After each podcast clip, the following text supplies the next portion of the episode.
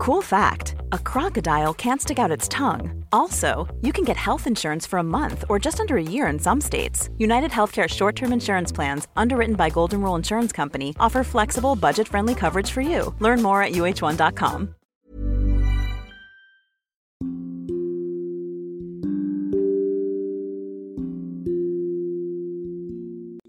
Hai, terima kasih sudah mengunjungi dan hendak mendengarkan podcast Dongeng Tidur. Aku Irene Evita. Selama ini aku pakai aplikasi Anchor untuk buat dan publish seluruh episodeku.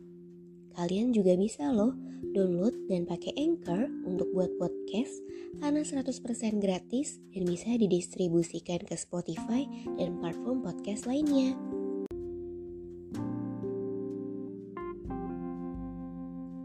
Di hari Women's Equality Day ini, sebagai request salah satu listener, aku menghadirkan short story by Agatha Christie. Yang mayoritas tahu, kisah buatannya itu bertema misteri. Nah, selagi mencari short story Miss Marple, yaitu tokoh detektif perempuan buatan Agatha Christie, ada terselip satu kisah sendu tentang seorang perempuan yang berparas indah, lembut semerbak, dan loyal seperti bunga magnolia. Bunga magnolia itu sendiri melambangkan kemuliaan, keras hati, dan martabat. Oh iya, bunga favoritku itu Aster, Cosmos, dan Daisy. Mereka semua serupa sih. Kalau kamu suka bunga apa? Selamat mendengarkan Sang Bunga Magnolia. Semoga lekas tidur dan bermimpi indah. Seorang pria sedang menunggu di bawah jam besar stasiun Victoria.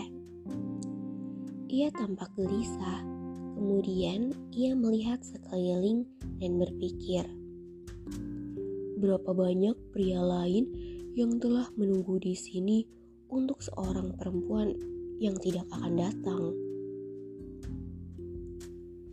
Kemudian rasa sakit menusuk hatinya. Ia mengandaikan Theodora tidak akan datang, bahwa mungkin Theodora akhirnya berubah pikiran. Perempuan melakukan hal yang seperti itu, kan? Apakah ia yakin pada perempuan itu? Pernahkah ia merasa pasti dengannya? Apakah ia sungguh tahu apa pun tentang perempuan itu? Tidakkah perempuan itu membuatnya bingung sedari awal? Dalam diri perempuan itu seperti ada dua sosok. Satunya perempuan yang sering tertawa sebagai istri Richard Darrell. Dan satunya lagi perempuan yang diam, misterius, yang berjalan bersamanya di Taman Heimer Close. Seperti bunga magnolia. Begitulah apa yang terbesit di benak pria itu saat membayangkan Theodora. Entahlah, apa itu karena di bawah pohon magnolia, mereka berdua merasakan ciuman yang menggairahkan dan tak dapat dipercaya. Saat itu, udara terasa manis dari bunga magnolia. Satu kelopak, dua kelopak, terbang dan jatuh beristirahat di wajah yang menengadah. Wajah berwarna putih seperti kelopak bunga, selembut juga setenang mereka. Ia bak bunga magnolia yang eksotis, semerbak, dan misterius. Sudah dua minggu yang lalu sejak pertemuan kedua mereka.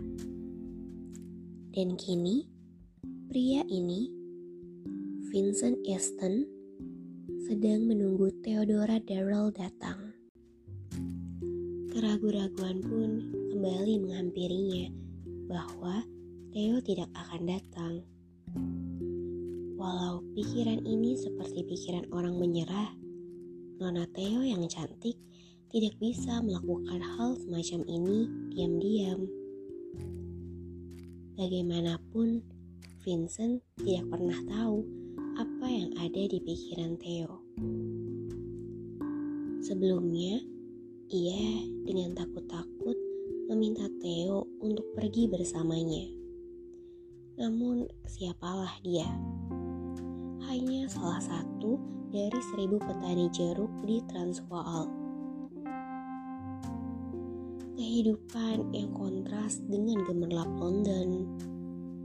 Tapi, Vincent sangat menginginkan Theo, jadi ia harus bertanya. Betapa terkejutnya saat Theo menyetujuinya dengan sangat tenang, tanpa keraguan atau protes. Seolah itu hal tersederhana untuk ditanyakan padanya. Besok, tanya Vincent yang masih takjub dan tidak bisa percaya. Theo mengiyakannya dengan nada pelan dan rapuh. Berbeda dengan tawa cemerlang dari masa sosialitanya dahulu. Vincent membandingkan Theo dengan berlian saat pertama kali melihatnya. Sesuatu yang seperti api yang menyala dan merefleksikan cahaya dari sejuta sisi.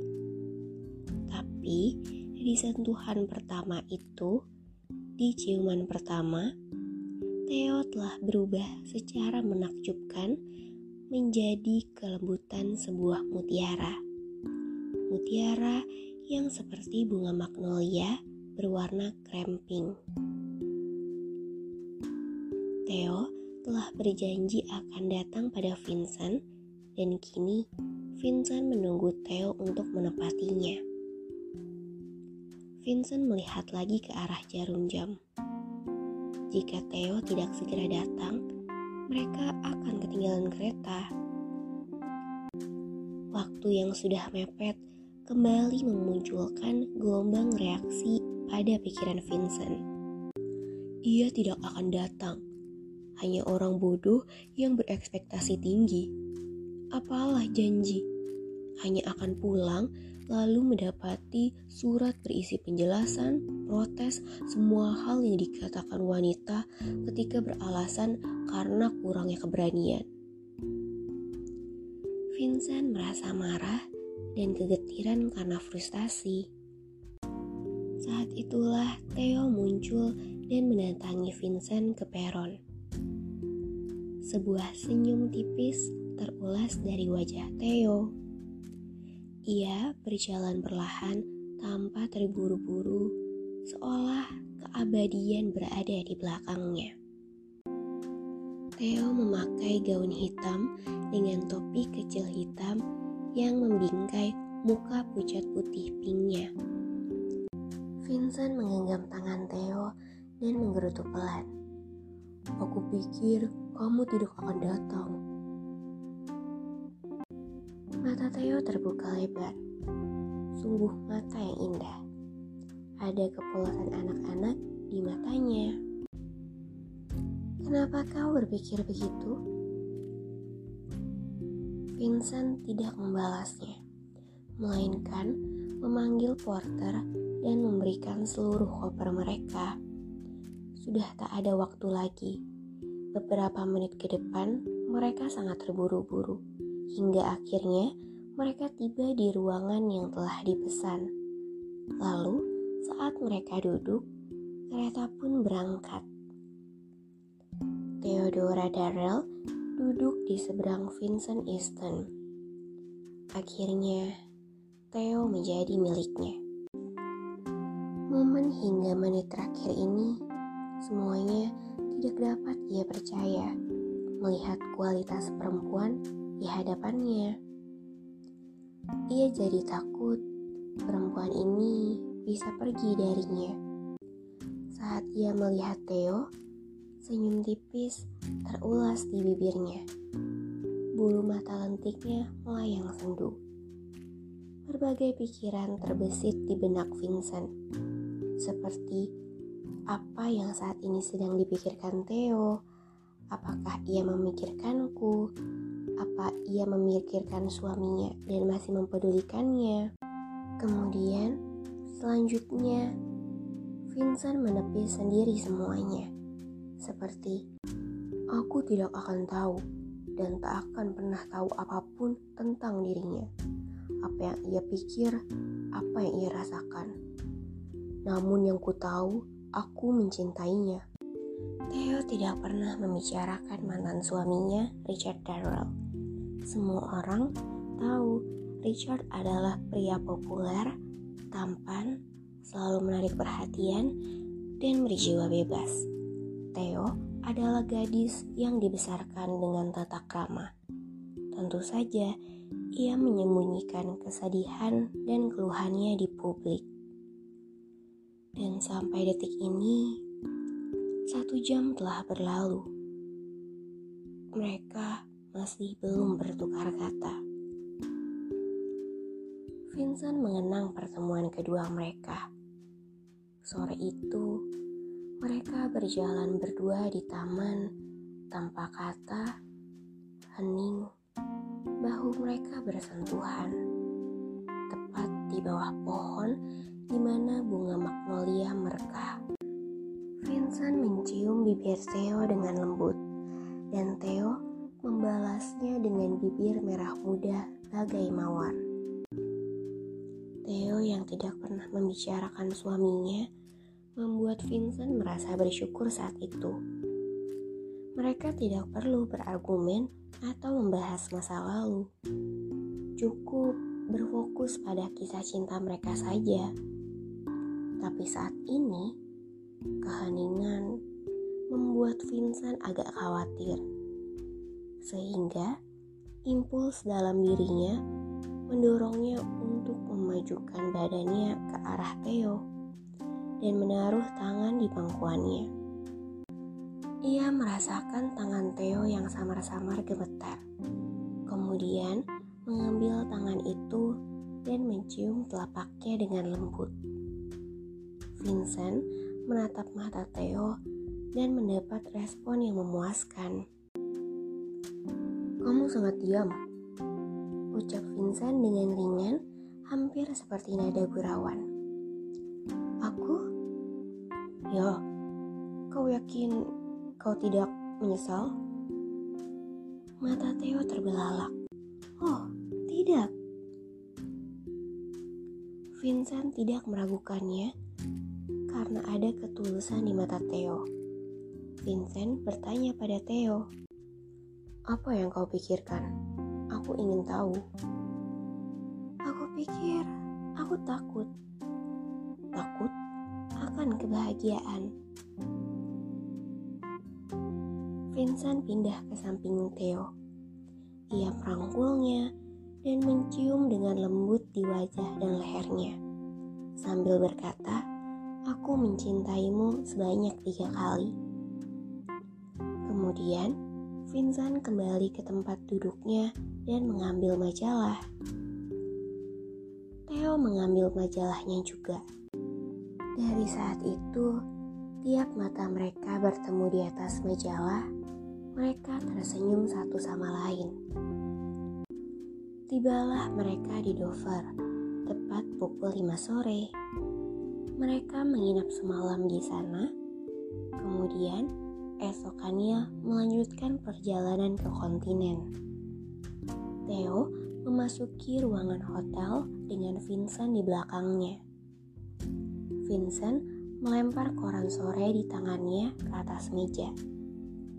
Dua pelayan hotel masuk membawakan koper lalu pergi. Theo berjalan ke dekat jendela dan menatap keluar.